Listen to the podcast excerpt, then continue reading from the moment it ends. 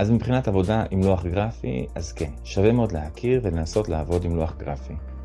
למתחילים עדיף להתחיל עם לוח גרפי בגודל מדיום, יש חבר'ה שעובדים עם גודל של A4, ה-large או small, ה-A6, אבל אה, עדיף להתחיל עם גודל של מדיום, שזה בגודל של A5 מבחינת השטח הפעיל עצמו של הלוח. עבור מאיירים זה פריט חובה, כמו שמאיירים על דף, אז ככה מאיירים ישירות למחשב. עבור מעצבים זה כלי שנותן לנו עוד אפשרויות לריטוש תמונה, מבחינת שימוש במברשות ונוחות.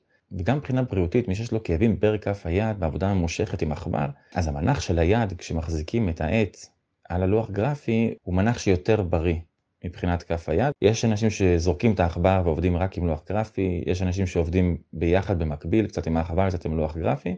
ויש אנשים שבאמת לא מתרגלים לעבודה עם לוח גרפי ונשארים עם העכבר. עבור מאיירים זה פריט חובה לחלוטין, עבור מעצבים אפשר להסתדר עם העכבר מצוין. אה, מישהו שהוא מעצב ומאייר, אז יכול שכשמדובר בעבודת עיצוב, כמובן יעבור רק עם העכבר, כשהוא ירצה לאייר משהו, יעבור ללוח גרפי. מבחינת איור וקטורי כמובן אפשר להסתדר עם העכבר ולא צריך לוח גרפי, אבל כן שווה להכיר ולנסות לעבוד עם הלוח, גם מבחינת הוצאה לא מדובר בהוצאה יקרה כל כך. כמובן שיש את הלוחות היקרים מסדרת וואקום אינטוס שעולים באזור ה-2000 שקל, ויש לוחות בקטגוריות מחיר של 500 שקל שהם לוחות נהדרים אפילו למאיירים. יש כמובן הבדלים בין הלוחות, אבל למאיירים גם הלוחות הפשוטים הרבה פעמים מספיקים, תלוי במאייר, תלוי במומחיות ובניסיון שלו כמובן.